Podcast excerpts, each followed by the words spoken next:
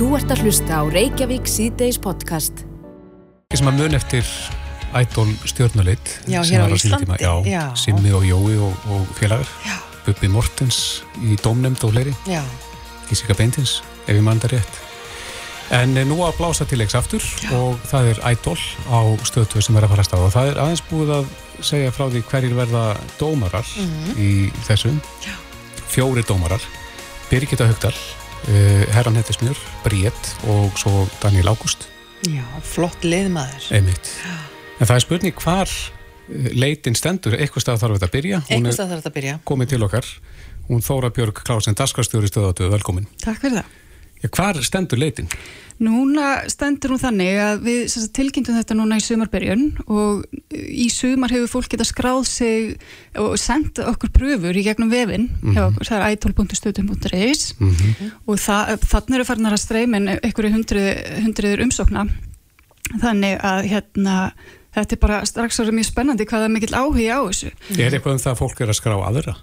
Það hefur alveg gerst líka, já, já, og svo, þú veist, maður, það, það er náttúrulega alveg einhverju sem eru líka bara að leika sér, en, en við erum farin að sjá það strax að það er bara fullt af efnilegu fólki að núti og, og þeir sem komast í gegnum þessa síu, þeir fara síðan áfram í, í dómarpröfur sem er haldan í lók september. Þar að auki vorum við að tilkynna núna bara rétt áðan að ætólið sérst að fara ringverði kringu landið. Já. það sem að framlegenda teimið okkar uh, er að fara að hitta já, þess, þá sem að vilja koma í pröfur til þeirra, við varum með svona pop-up áverðna pröfur uh, fyrir maður stað 9. ágúst, byrjum á Ísafjörði svo verður það Akureyri, Egilstaði, Selfoss og Reykjavík. Vá. Þannig að, já, Það er hringverð. það er ringferð þeir sem eru búin að senda ykkur neti þeir þurfa ekkert að mæta endilega þarna á, á þessa viðbyrði en mega það sjálfsögðu. En hérna, já, þannig að þetta er, þarna er tækifæri til þess að hitta framlöndunar í eigin personu og bara fara í pröfu. Hvað er aldursdagmarkið?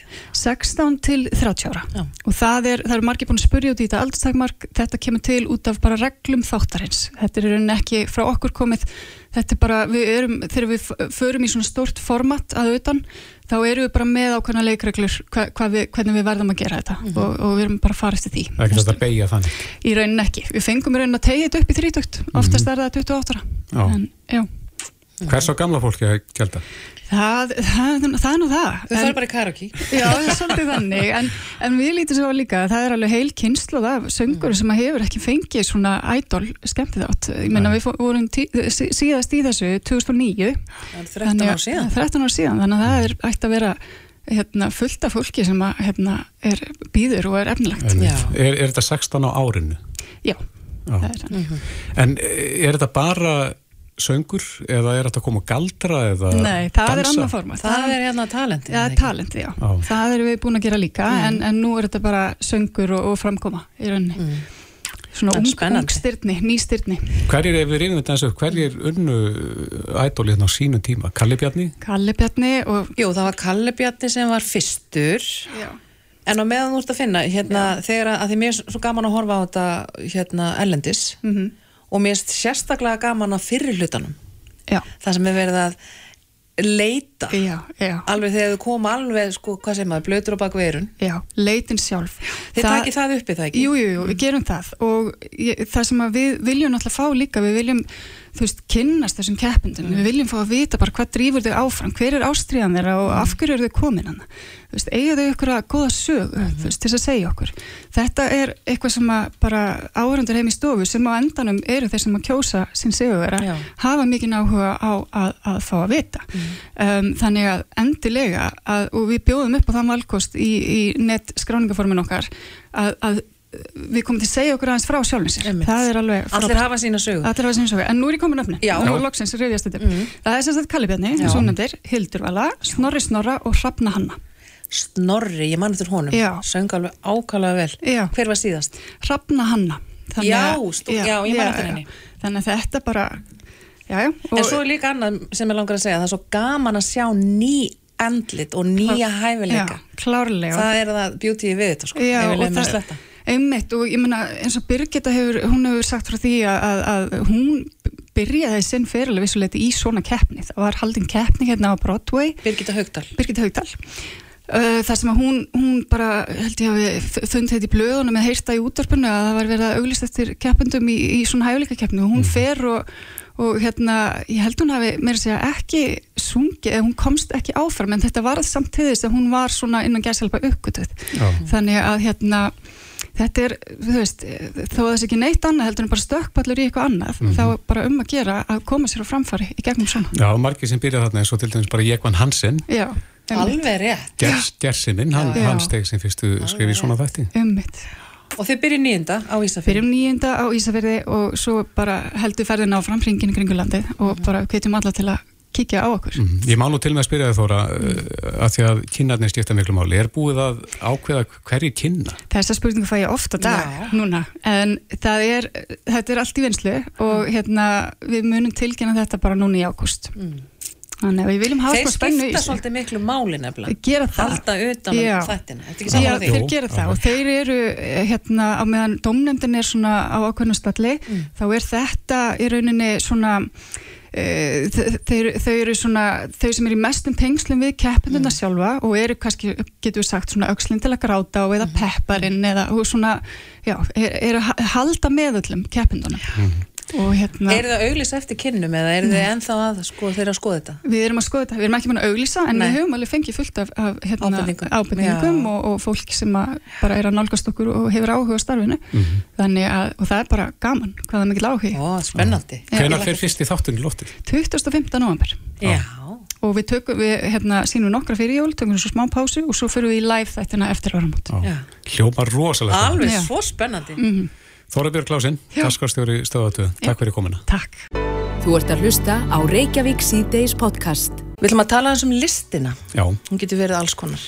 einmitt. Ég heyrði á dögunum af konu sem er uh, að búa til list úr uh, hauskúpum og rottufótum, Hauskúpum. já, Mm. rottufætum og svona snáka skinni, Já, já. mjög aðtillisvert og hún er uh, með uh, listasmiðju sem kallast beinverk og hún er komin til okkar hérna, hún kallast sér Dísa, verður velkomin. Takk. Já, þetta er svolítið sérstatt efni sem hún vinnur úr. Segð okkur aðeins betur frá þessu.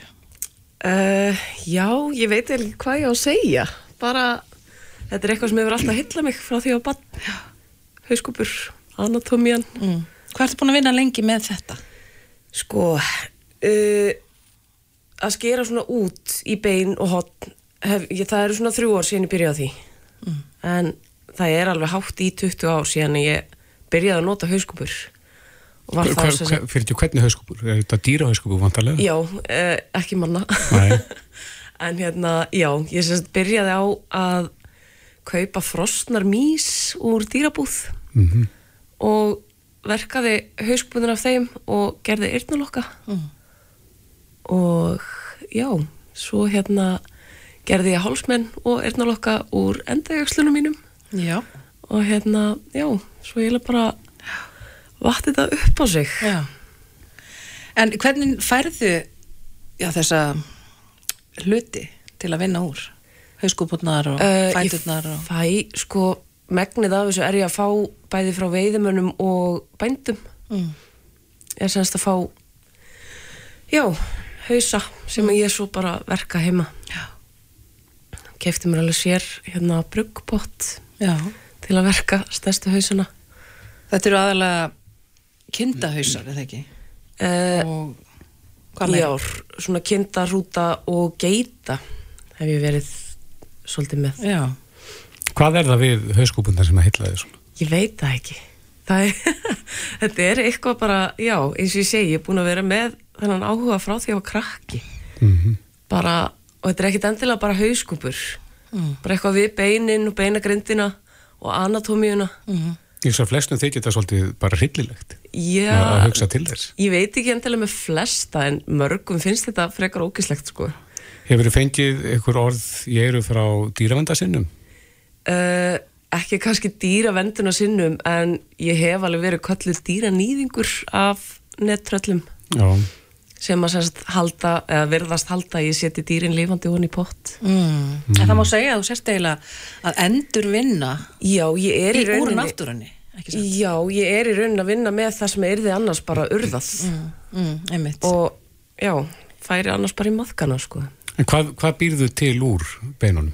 uh, bæði ég er svona aðalega kannski að gera skartgripi en svo er ég líka eins og með hauskúpunar þá er ég að ímist mála þær eða skera út í þær Mhm. Búti og kertastjaka eða?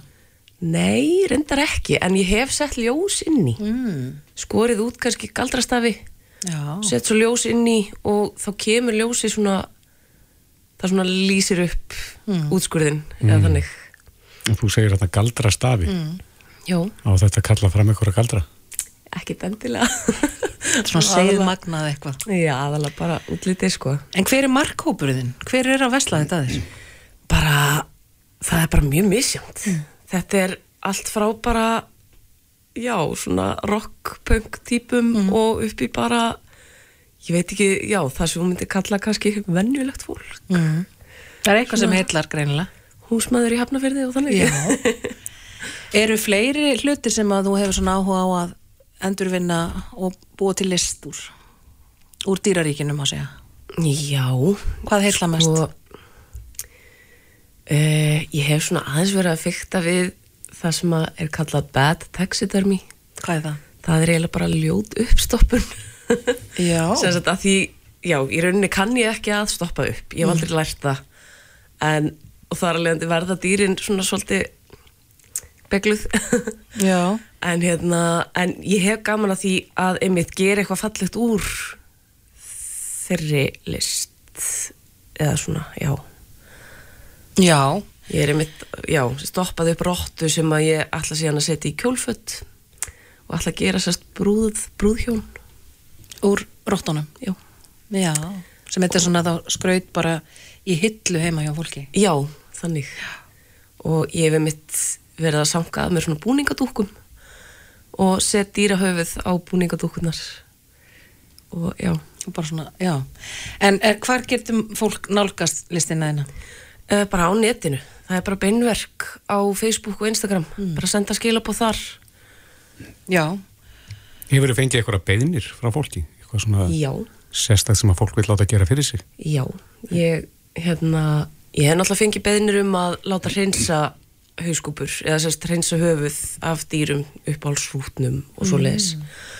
En svo hef ég til dæmis fengið beðnir um skarskripi. Það var einn sem kom með endajagsl konuna sinnar til mín Mm. og ég gerði sérst eirnalokkur honum og e, já, það var einmitt kona myndir að eðis hafði líka samband og vildi fá eirnalokka úr róttu löpum Já. og svona, já, Ég sé að þú ert líka með hálsmenn úr en rottulöpum og já, þetta er áhugavert. Maður veit, hver veit nema maður panti hjá þér eina hauskúpu. já, En gangiði vel, Dísa. takk Kæra þakki fyrir komuna. Takk, takk fyrir að hafa mig. Þetta er Reykjavík C-Days podcast. Ef að þetta lag á ekki vel við þá veit ég ekki hvað. Einmitt. Held ég fram þetta og við sáum það að Lóðreglan á höfuborgarstöðinu sendi tilkynning út í dag þar sem að hún er að gefa svona heilræði varandi þá sem að ferðast um helgina og Lóðreglan hvetu meðalans fólk uh, til þess að skráða niður bílnúmer hjá þeim sem að ef, ef einhver er grunnsanlegur í, í hverfinu eða göttunni Já. og er ekki að tilkynna á fjöspókinu eða samfélagsmiðlum að það sé að fara í burtu Mhm. Og til að ræða öryggismál heimilisins það, þarf að huga þessu þá var hann komin til okkar Eithor Víðesson öryggis og löggjæslu fræðingur, velkomin Já, sæl. Já, það eru heilræðin fyrir þá sem er að fara að skilja við hýpilin sín alveg sama hvort að fólk er að fara í ferðalag innanlands eða til útlanda Já, já, það skiptir þjóðin engum máli hvar, hvar þú stattur eða stödd. Hérna, hvort þú ert á sólinni eða í rigningunni ykkur stær. Hérna, þetta er bara mjög einfalt. Við erum náttúrulega búin að tala um þetta hérna síðan lungu fyrir raun held ég. Að, hérna, Þetta er allt sömu góðu, gömlu punktarnir. Og kannski bara nöðsynst að minna kannski bara þá sem eru kannski nýfluttir eða því oftast er þetta sko langflest innbrotir og jarðæð. Þannig að kannski þeir sem búi í háum húsum að þeir kannski þurfa að hafa minni á okkur. En það er líka svolítið að gæta bara öryggi íbúðarinnar allavega, af hvort þið er. Það er líka farið inn á efri hæðir Já, já, það er náttúrulega sko þekkt fyrirbæri að- að að- að ringja nokkrum bjöllum og, og vona að einhver bara spyrja ekki og hleypi mann inn. Og þá er náttúrulega bara að spyrja einhvern ókunnan. Maður er alltaf gott að spyrja einhvern sem er ókunnur í blokkinni hjá manni eða fjölbýlishúsinu bara fyrir ekki hvert að fara. Það er Já. allt í lagi, sko. Maður er kannski við þekkjum ekkert alla nákvæmlega með nafnin, við eigum náttúrulega að þekkja fólk í sjón og hérna en það er kannski svona skemmtilegast að nálgist að kannski bara svona svolítið svo leik, eins og núna í kvöld þegar áður fólk fyrir út á bænum á morgun að hérna að það er bara svona tala ekki um að vera með svona aktífan úling á heimilinu. Að búa til bara smá leik bara uh, út með í einbilshúsi eða parhúsi, raðhúsi. Bara já, já, gaur eða, eða, eða stelpa, hvernig kemst inn? Eða þú væri lastur úti eða last úti. Findu leið. fyndu leið. Og hérna og fara bara svolítið í svona já, setja sér bóa húna og, og ímynda sér bara, ok, nú þarf ég að komast inn í þetta hús. Já, og, og það er kannski einhver stíi eftir, garðin, eftir einhverja þakvinu í garðinum það er uh, ég veit, einhver síður að skilja eftir svalinnar opnar. Það er alltaf þessi þvótt á skruggi í kjallarinn hann er alltaf opina þegar annars verður skilji. Það er auka líkill úti kannski í Já, og blómapottinu. leikillin undir blómabótt, já, ég vona nú ekki en, en hérna, það væri nú alveg. En já, já, það sem, að, svona, það sem að verða til síðir og heimili til að, til að sko auðvelda heimilisfólki að gangum og úleikandi kannski búin að gleyma liklunum tveisar sinnum, þessar sinnum ekki staðar og Já, eru læstir úti þannig að það er kannski það sem að maður á að byrja á að gera, að skoða svona sitt eigið umhverfi og svo er náttúrulega gott að bara ganga frá helstu verðmættum, þetta eru aðalega myndir og fartölvurnar með myndunum í giftingamyndunum, fæðingamyndunum náttúrulega fólk, fólk bara má ekki missa þetta.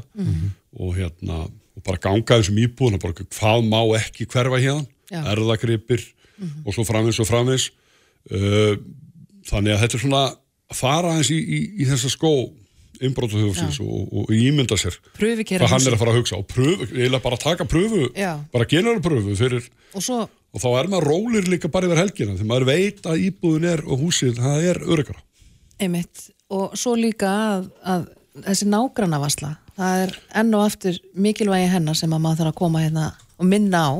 Já, það er náttúrulega í kvöld eða í fyrirmálið eða áður en fólk fer það er að tala við nágrannan bara í getum síma eða maður og mann eða eitthvað og náttúrulega einhvern veginn sem maður treystir ég vona að flestir eigi eitt svoleiðis. Að hérna, þeir geta treyst einhverjum og, og oft vinnur fólk saman og, og, hérna, og hjálpa hvort öru og þá er bara að byggja jafnvel, ég tala ekki um ef að það er engin bíl fyrir utan, að byggja jafnvel nágrannum að skilja sinn bíl eftir í yngjæslinu hjá manni sjálfum. Og hérna, bíl fyrir utan er svona merki, það er ekkur heima. Uh, skiljistu ljós það er orðið dimmt á nóttunni. Og hérna skilja bara eftir eitt eða tvö ljós. Jafnvel bara í Settumbergi eða stofu. Uh, það er meira að að kaupa ljós sem hægt er að setja innstungur sem að líka eftir sjónvarspyrtu og hérna bara hver að vera síðastur að kaupa það á eftir í Elko og hérna þannig það er svona ímslætt að gera. Nágrannir eru mjög góðir og, og nú ef að nágrannir eru kannski minna þekktir með nýfluttur og þá er kannski að tala bara vættinga byggða um að koma tvisa þrisvar, gangum tjekka, skoða og líka bara, ég veit ekki, bara ef eitthvað lekur aftan á þóttavelni eða bara aðeins að taka stöðuna Eru innbróðstjóðar meira á ferðinni á þessum tíma? Já, Heldur það er náttúrulega? Nýta sko- menn svona ferðahelgar? Já, já, það er núnt af því sem að lauruglan og, og svona öryggistengt fólk er að, er að tala um þetta og kannski líka út af því sem ég er hérna að auðvita er alveg, það er mjög hákjósarlegt að vera innbróðsjófur á þessum tíma árs um þessa helgi það er náttúrulega bara nánast lítur að borga sig þannig að Já, það er eru bara óbáslega margir úr bænum. En Og hversu hérna- aldengt er það þegar nú er verið að vara fólk við að vera að setja ykkur að fæslur á fésbókina? Hversu aldengt er það að, að innbróðstjóðar fái hugmyndir þar? Ég, sko, það, ég búin að heyrum alveg fullt af innbrotum.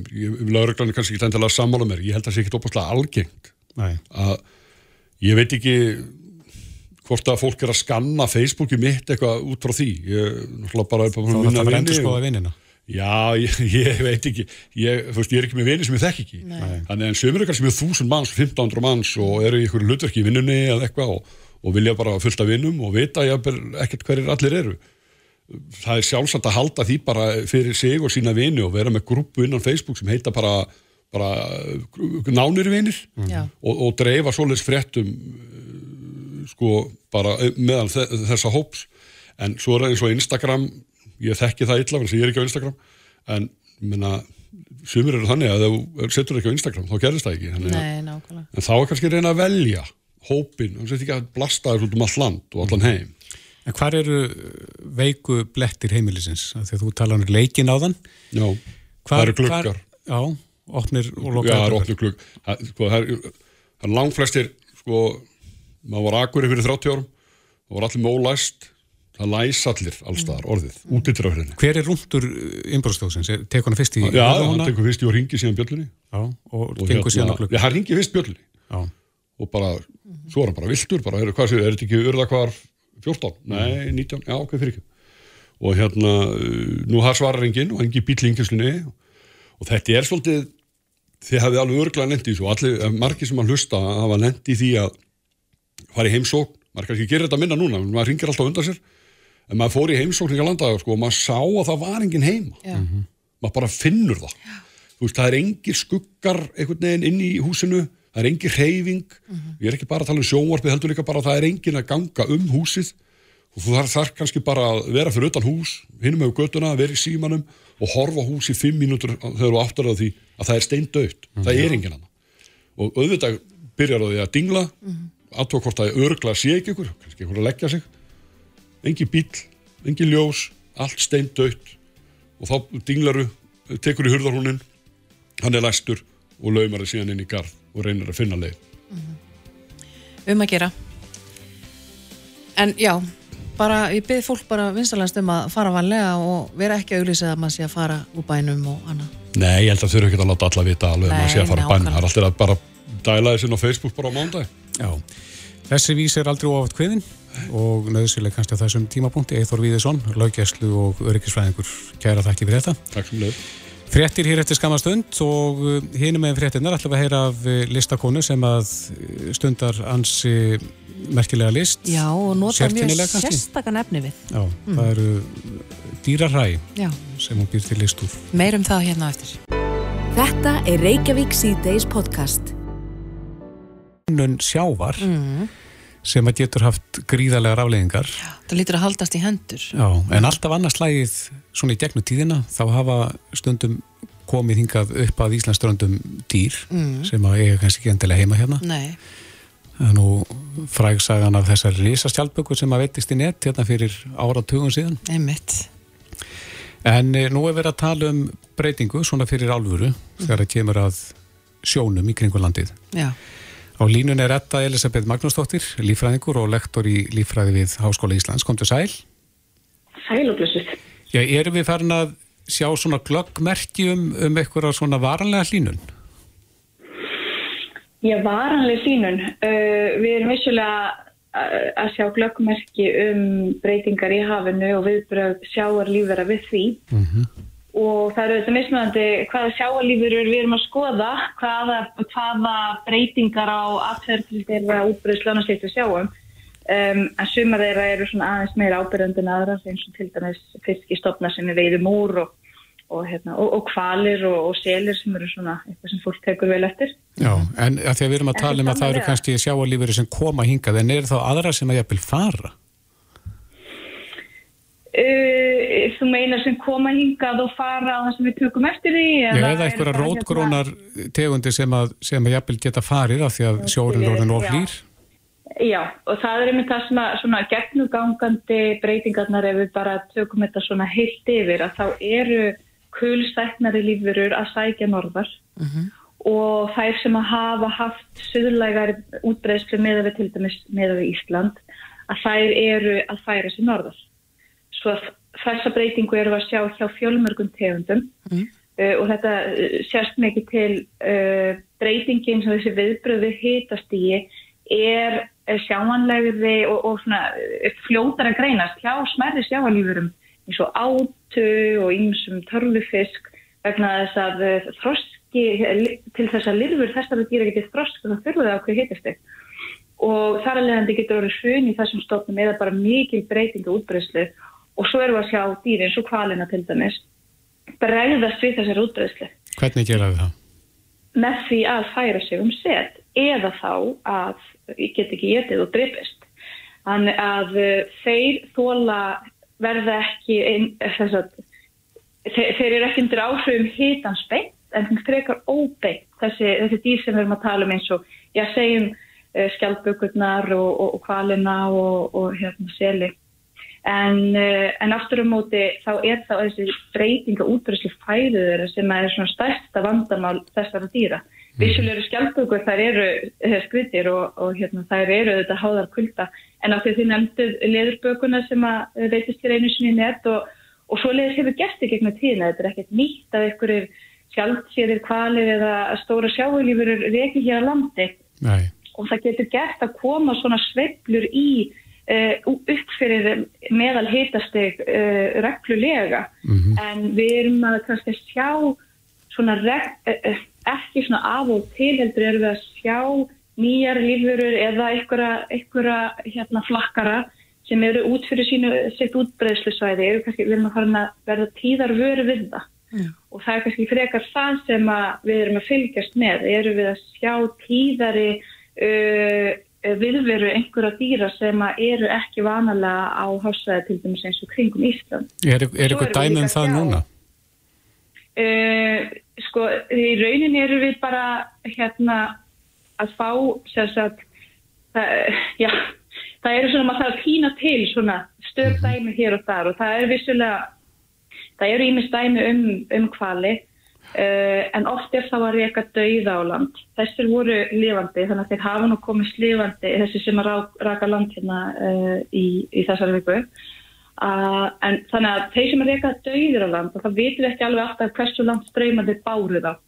En það, það hafa reglulega sést hér uh, þá svona suðrættin tegundur og svo eru rostungarnir farnir að koma. Og þeir eru vissulega norðlægt tegund en þá er það freka þessi riðlun á búsvæði þeirra að þeir sagt, fara frekar á fara að flakka ókunnar slóðir og það er þessi breytingar á búsvæðum þessara flökkudýra eins og sela, kvala uh, já, rostungar er náttúrulega hluta selunum, að við erum að sjá meira af einhverju, er búast við að sjá meira af þessu vegna riðlunar og búsæði þeirra, þannig að stundum er þetta beitt eða óbeitt þess að tengt hitastíi, Mm. en það er svona kannski þessi greinilegasti þáttur.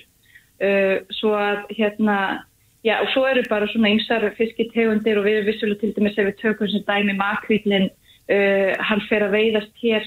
Nú er það að fara varlega með sko ártör hvort það hefur verið kringum 2010 eða eitthvað svo sem það fór að vera virkilega mikið af honum og það er frekar nýlegt á íslensku hafsvæði uh, og nú erum við farin að nýta en makrillin fyrir svo í samkeppni við ykkur aðra lífurur hérna sem að svo kannski þurfa þá að færa sig um sér svo hann er ein, eitt dæmi um uh, frekar nýlega lífurur kringum Ísland En segð okkur hérna, hefur já, meðal hiti, já hvað sem er hafsins eða sjávar hérna við Íslands strendur, hefur hann hækkað mikið síðastlina áratví? Já, það hafa vissulega verið sveiflur í þessu og það er alltaf það sem að uh, náttúrufræðingar, hvort sem þessu haffræðingar eða lífræðingar er að vinna með að við erum með eitthvað sveiflur sem ganga yfir eitthvað áratíi en svo erum við að skoða svona heildartrendin og heildartrendin sýnir okkur að línan er að fara upp á við og meðal hitastíð er að hækka. Þannig að uh, meðal hitastíð sjáum hérna við, við Suðurstrand Ísland og sömrin er mjög algengt að það sé svona í kringum 8-10 gráður og þetta er að hækka. Uh, og, og jafnvel á, á Norðurlandi þar eru að sjá hærri hittusteg, yfirborðshittusteg heldur en, heldur en að jafnaði og meiri sem við austan sem hefur verið frekar kallt svæði. En þýðir þetta ekki þá það að eru- við höfum þá mist eitthvað okkar fiskistofni, já, eitthvað sem er algjörlega horfið hérðan? Ég get ekki sagt ekki þekkið ekki hvort það sé einhverju fiskistofna sem er algjörlega horfnu það er ekki fiski, fiskar sem við erum að nýta. En við lendum gerðan í vandræðum eins og til dæmis í loðnuleitinni og jafnvel síldin að hún kemur og fer og, eh, og loðnan er að breyta útræslu sinu hefur verið að því síðustu ára tíu í rauninni í tengslum við hittabreytingar og það hefur gert það að verkum að útbreyslenar er ófyrirsjánlegur og erfiðar að finna hana. Uh, og, og, og það sama getur gert með síldina en það hefur ekki kannski verið alveg sama hérna, vandamál eins og með loðnunum på síkasti ef við tek þessa tvo fiskar sem dæmi sem eru mjög kulstæknu en við höfum ekki svo við vitum til mist heilar tegundir en það er ef við skoðum til dæmis rækjuna á humarinn þá er þetta þetta eru vissulega siglesingar sem að hafa verið nýttir og, og það er talið að, að humarstofnin sé haft algjörlega hrunin og við vitum ekki nákvæmlega af hverju, hvort eru það loftastreitingar, eru það einhverjar, einhverjar breytingar í umhverju þeirra, þannig að uh, ef við tökum dæmi um einhvern nýtjastopp sem að virðist vera nánast horfin, þá væri það humarinn. Svo að það eru svona ekki neina drastíska breytingar uh, í dag þar sem við sjáum heilu neytjastofnuna hverfa en, en útbreysla þeirra og hver, hversu aðgengilegir þeir eru það verður að gera ráð fyrir að breytist. Já, rétt aðeins í því. já, rétt aðeins í lokin þetta, eh, hvaða tegundir gætu átt eftir að sjá núna vegna hlínunar sjáar svona í auknu mæli koma til landsins? Ég held að væri ekki ósennilegt nema bara skoða stöðu þekkingar og hafströmmum og hegðun uh, flökkudýra, þá er dýra sem ferðast langar veðalengdir. Þá getur það verið einmitt ýmsar uh, heitt sjávartegundir uh, eða svona, við kallum þetta dýr úr temperatbeltinu eins og ýmsir höfrungar, stökkull, liftur uh, og fleiri, jafnvel liðurbakan sem að þó hún hafi sett hér í Íslanda áður, kannski fyrir að sjá hann í meira mæli nær íslensku hafsvæði. Mm Þar eru þess að þeir útbreysla nær aðeins sögur fyrir Ísland. Uh, svo jafnvel getur verið einhverjur stærri randir eins og hákallar og þess aftur sem eru svona í, í tempraða beltinu frekar en þessu, þessu lágartíska sem við erum í að það verður ekkit ólíklegt að verðum að sjá jafnvel fleiri hákallategundir, fleiri ymsar fiskategundir, þess að stóru veiðfiska. Þetta er svona það sem er dettur í hug, svona fljótu bræði, það sem ég er spurð. Uh, en, en við veitum ekki, svo er það náttúrulega eins og er maður að reyna að sjá fyrir vísindunum að sjá fyrir jarðskjálta eða eldgós að þetta er það sem maður getur gert með að við breytingar á hafströmmum og hlýjum tungum sem að tegja sig hérna norður eftir ef það verður gegnum gangandi að þá getur við verið vissum að nokkur vissum að þessar sísjár tegundir uh, sérstaklega kvalategundir og, og jafnvel hákallar og fleira fara að tegja sig svona eh, og jafnvel skjálpugur fara að tegja sig hérna að, að nær stuðuströndinu. einmitt. Þetta Elisabeth Magnúsdóttir, sjáalífræðingur og lektor í Lífræði Háskóla Íslands. Þetta er aðtekli verðt. Kæra þakki fyrir spjallið. Reykjavík síðdeis á Bilginni podcast. Bara poppað upp sem einn af íbúum í húsinu. Já, já.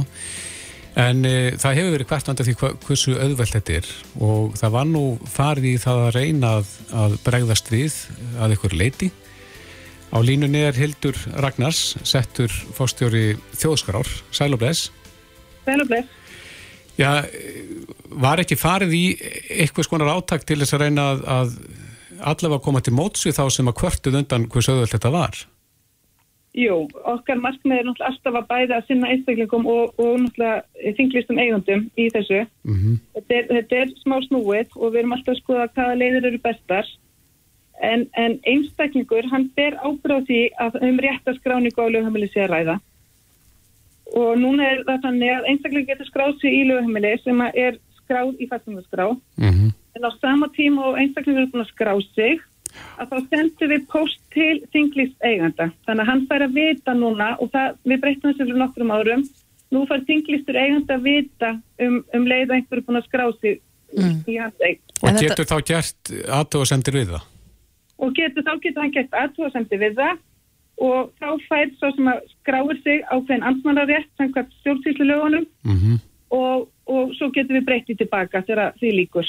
En uh, ef, að, ef að sá sem að er þarna í, í óþökk húsegandans uh, neytar, þar sem segist bara eh, vera þarna löglega, þá, þá aðtöðu hvort hann sannarlega búið þarna af því maður er bara með lögfamili á þeim stað sem maður sannarlega býr. Mm og að leggja og ein- einstaklingur þarf að leggja fram gögn að hann búið sannarlega þarna og ef hann getur það ekki að þá, þá breytu við uh, skamöndunni. En hvað er langt sinna þessu var breytt? Af því ég veit að áður fyrir þá var þetta ekki þannig. Það er komið ný lög 2018 Já, það er ekki lengra síðan. Nei, nei, og þá gáttum við farið að gera þetta og við notum mjög mikið til dæmis póstalvið á Ísland.is þannig að, að því það er það kom í lög líka núna og, í byrjun þess árs að við mættum tala við sem sagt eh, senda beint í, í póstalvið á Ísland.is og það nýttu okkur að það er einfaldur aðfangur að öllum Íslandingum en gömlu lögin voru frá 1956 þannig að það var alveg komið tími á að, að breyta þeim. Já, en það hefur líka verið talað um það að fjöldin allir af fólki sé kannski skráður á sama eh, lögheimilið. Við- þið tilkynningum það ef, ef að það er komið, komin einhver ákveðin fjöldi sem er skráður á sama heimilisvangið? Já, við fáum ekki tilkynningu það, en við, reyn, við fylgjumst með því og ef það er eitthvað sem okkur finnst vera óeðlilegt, að þá, þá rannsökum við það betur. Þannig við keirum keistlur og förum, förum yfir það og, og, og aðtöfum þá hvort eitthvað sé ekki, ekki rétt og við vinnum þetta í samvinni við laurugluna og önnur stjórnvöld. Já, hafa komið upp mörg slík mál? Nei, í raun og vera ekki. En, en eftir brunan þarna á Bræðarborgastíð þá fórum við markvirt að vinna vi- með þetta. En hvað teljið þið óeðlilegt eins og þú sagðir aðan? Hvað, ef það eru kannski 15 manns skráður á eitt lögheimili? Það er svo erfitt að segja það. Það er algjör eftir tegand húsnæðir. Og svo núna, sem sagt, náttúrulega fjölbili í, áður var, var fólk skráð bara í, í heimilisfang en ekki niður á íbúðir og þá var erfitt að segja, þú veist, ég er það bakki tíu, hvað er margir heima í, en það eru sex íbúðir í segunginum, skilur Já. Þannig að það er, er erfitt að meta en ef að maður fara að gramsa onni. Mm Akkurat. En e, þú segir að það er svona aðeins breytt fyrirkomulega varandi skráningu á lögheimili að, að þinglistur eigandi fær þá tilkýning um það. Já. Eru Já. mörg svona mál sem koma upp þar sem fólk hefur samband við ykkur og kvartar undan ykkur sem að er skráður, sem áætti að vera skráður? Já, já, það gerist alltaf reglulega. Það hver- gerist alltaf reglulega og þá fyrir við beintli að vinna með það því að við viljum okkar gögn séu rétt og það er okkur landsmjölum í haga okkar að þjóðskránum sé rétt Já. og, og fólk á alls ekki að vera með heimilisvang og lögheimili hjá einhverjum sem að, sem að, sem að fólk býra ekki á. Nei. En oft er þetta byggt á miskilningi, þú skráir þig kannski, eins og ég sagði eftir að við fórum að skrá nýri í íbúðir, þá skráða fólk sér óvart í vittlusa íbúð en í sama, sama, sama stegangi. Eða, eða einhver kemur til landsins og áttu sig ekki á að hann þarf að hafa fast lögumili og finnur þá bara eitthvað en, en við, þá er það leiðrikt um leið og við komumst að því. Já, já. Svo er þetta líka oft þannig að fólk býr í rauninni erlendis en vill halda, já, hafa heimili hér upp á post og annað, það eru alls konar útgáfu til eða ekki?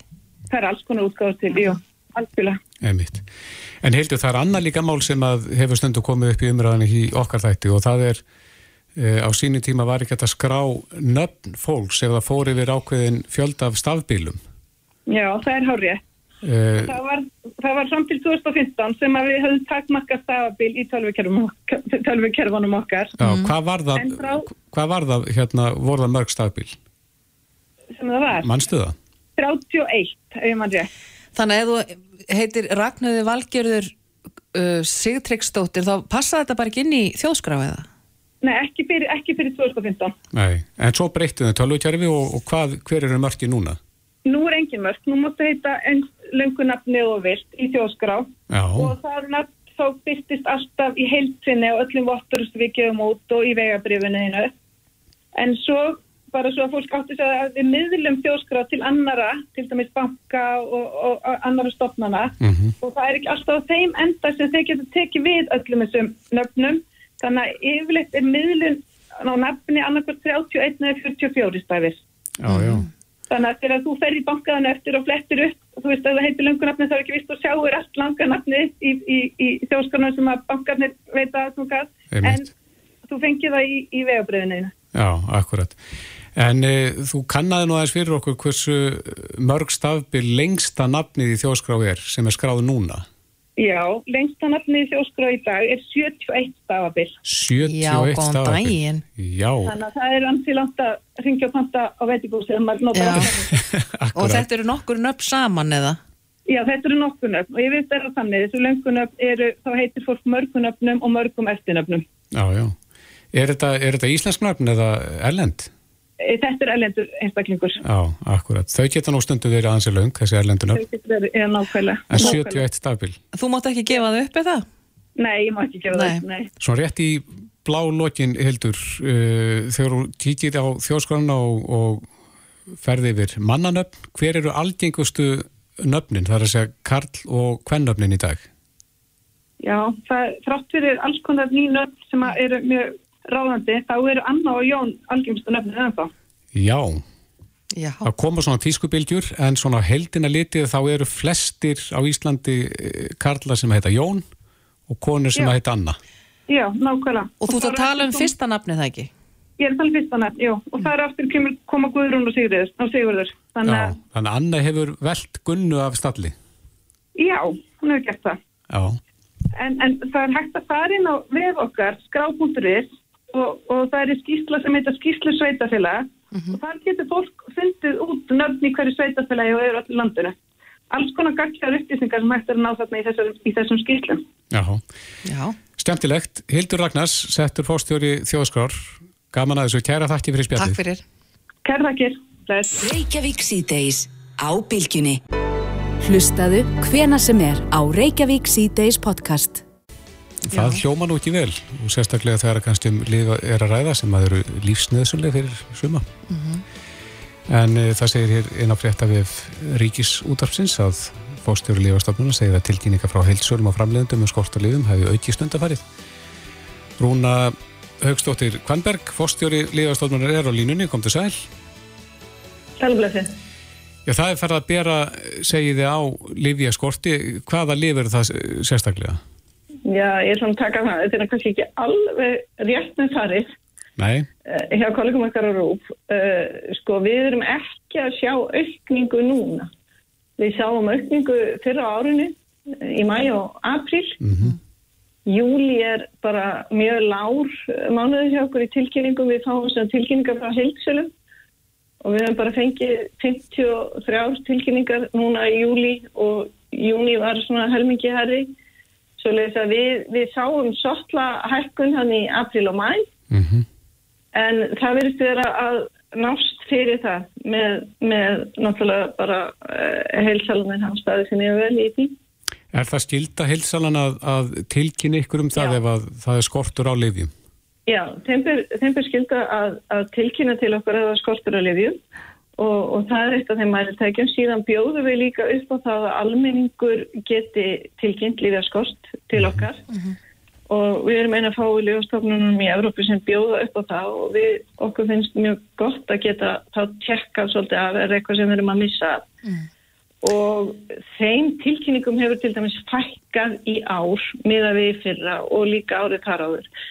Svo í júli vorum við bara að fá fjóra tilkynningar frá almenningi, þú veist, og þetta eru tvær og ein sem segir allavega að almenningur er ekki að tilkynna, það er ekki, sko, almenningur er ekki að sjá sig tilknúin til að tilkynna eða fær þá nægilega góður upplýsingar í apotekunum um liðin sín. En hver er svona helsta ástæði fyrir því að það verður lifjaskortur? Það er alltaf margar ástæður. Sko það getur verið sko bara framleyslu geta. Það getur verið umfram þörf á ymsum mörgum, annarkort á okkar markaði eða, eða öðrum og þá er, þá er fram, framleyslan ekki eh, annar því ekki.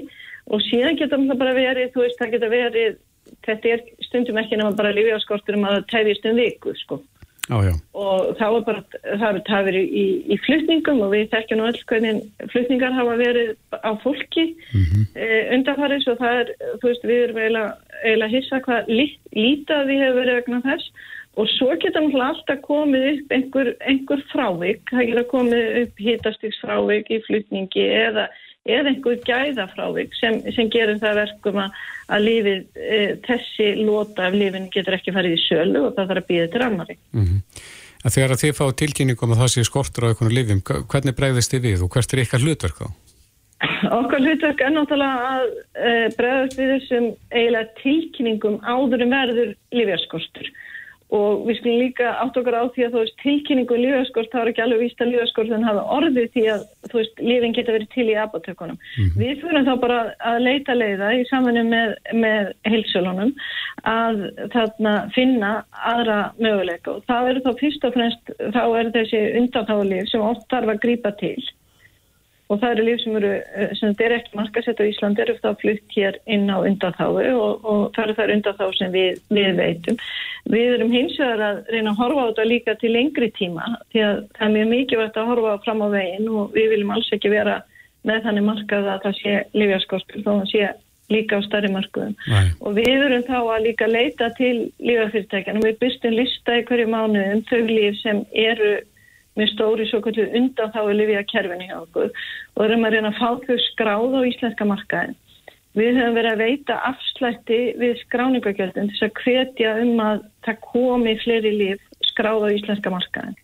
Og í því fælst náttúrulega sko öryggi sjúklinga. Manstu eftir því rúna svona í fljótu bræði, hefur myndast hérna neyðar ástand vegna skorts á lifjum? Nei, við getum ekki sagt að hafi myndast eh, neyðarástand. En það er náttúrulega, sko, livjaskortur er alltaf alvarlegur, sérstaklega fyrir tann sem fyrir því verður. Uh, við náttúrulega fylgistum mjög mikið vel með sagt einhverjum ákveðnum hlutum og ég menna það sem hefur komið upp stundum er þessi adrenalín penni fyrir, fyrir, fyrir börn sem eru með bráðánami Já, og sem betur fyrir oft þarf ekki að nota það en þú þarfst að eiga það. Og, og, og sem betur byggð eða sem sagt var í skorti og það náðist fyrir það. En Einmitt. það var kannski sambarilegu penni sem var til líka en hann er líka núna komin í skort. Svo þetta eru svona hluti sem að það náttúrulega fylgjast mjög vel og það lögður náttúrulega sérstök áhersla á það. Er ekki passað upp á að það sé til alltaf samheita lif uh, ef það kemur til skorts á lifjánum? það er, náttúrulega reynd að gera það en þetta, þetta er nú svolítið svona el- elti skorti kost á öðru að þú veist að okkar kannski helsta vandamáli er að við erum ekki með nógu mikið að sammetalifum á markanum að ef náttúrulega frumlífið eða, eða sammetalifið fyrir í skort þá er, þá er, þá er hinn valmöðuleikið mjög fljótur að klárast já. en E, Rúna, rétt aðeins áður við missum á símanum, Já. eh, aðeins til þess að gera upp COVID-tímabilið, það var náttúrulega mikið rætt um og við þig, þegar að þessi hérna, bólefni voru að koma til landsins, Já. er búið að gera það allt saman upp? Það er að segja virkni livjana, kvartanir og uh, svo- svona einhverja mögulegar afleðingar af inntöku bólefna. Já, sko, það er náttúrulega búið að setja inn allar tilkynningar um aukaverkanir uh, sko, inn í, í Evróskan gagnagrunn og það er náttúrulega verið að vinna í tí núna og verið að greina því hvað mögulega getur verið vegna, vegna, vegna, vegna bólefnana og hvað ekki og, og við hefum náttúrulega byrst tilkynningar um það, menn það voru náttúrulega aukaverkanir sem kom upp sem voru, veist, hjartabólgur og eitthvað svona sem voru tengdar bólefnunum eða ákveðnum bólefnum og það þurfti náttúrulega bara vera að horfa til þess. Hvaða bólefni kom best út? Fekk á- tilkynningar. Það er þess að við fengum all mjög margar tilkynningar. Það voru náttúrulega mjög margar tilkynningar svo það er ómald að segja alveg nákvæmlega um það. Það er náttúrulega munur á alvarlegum og ekki alvarlegum og svo er kannski ekkit, kannski er þetta ekkit alveg sambarilegt því að þarna uh, symbólefni voru notu náttúrulega í miklu meira magni Mm heldur en önnur og, og, og þannig náttúrulega það verið áhrif á, á tölfræðina en nú er náttúrulega verið að horfa til þess í mjög mörgum löndum er verið að fara að bólusetja aftur uh, allavega uh, 60 ára og pluss í, í haust með, með örfunaskandi. Já, er, er þá eitthvað bólefni sem að stendur upp úr sem að þú vilt sem fórstur lífastofnunar sé freka að nota heldur en annað? Nei, þessi bólefni verðast vera frekar virk gagvað þeim undirstofnum sem eru, eru, eru hérna uh, þessi sem voru mest notið hér eins og til dæmis Pfizer og Moderna og síðan er náttúrulega í haust að koma einhverjar uh, afbreyða þeim eins og gerist náttúrulega eins og til dæmis með influensu bólefni að, sem er náttúrulega verið að reyna að fá meiri virkni uh, gagvart undirstofnunum sem hafa verið að koma fram á undarförni sko. Já, akkurat. Já, en það er nú gott að heyra að það sé ekki, ekki slemt ástandið þegar það kemur að livja skorti. Nei, við erum bara að fylgjast með þessu mjög, mjög náið og heilsfjöldna líka og, og uh, það er bara mjög mikilvægt að fylgjast með þessu en svo er það líka mikilvægt að tala sér ekki lífjarskost. Já. Rúna Högstóttir Kvanberg, fórstjóri lífastofnunar. Takk fyrir Já. þetta. Takk fyrir.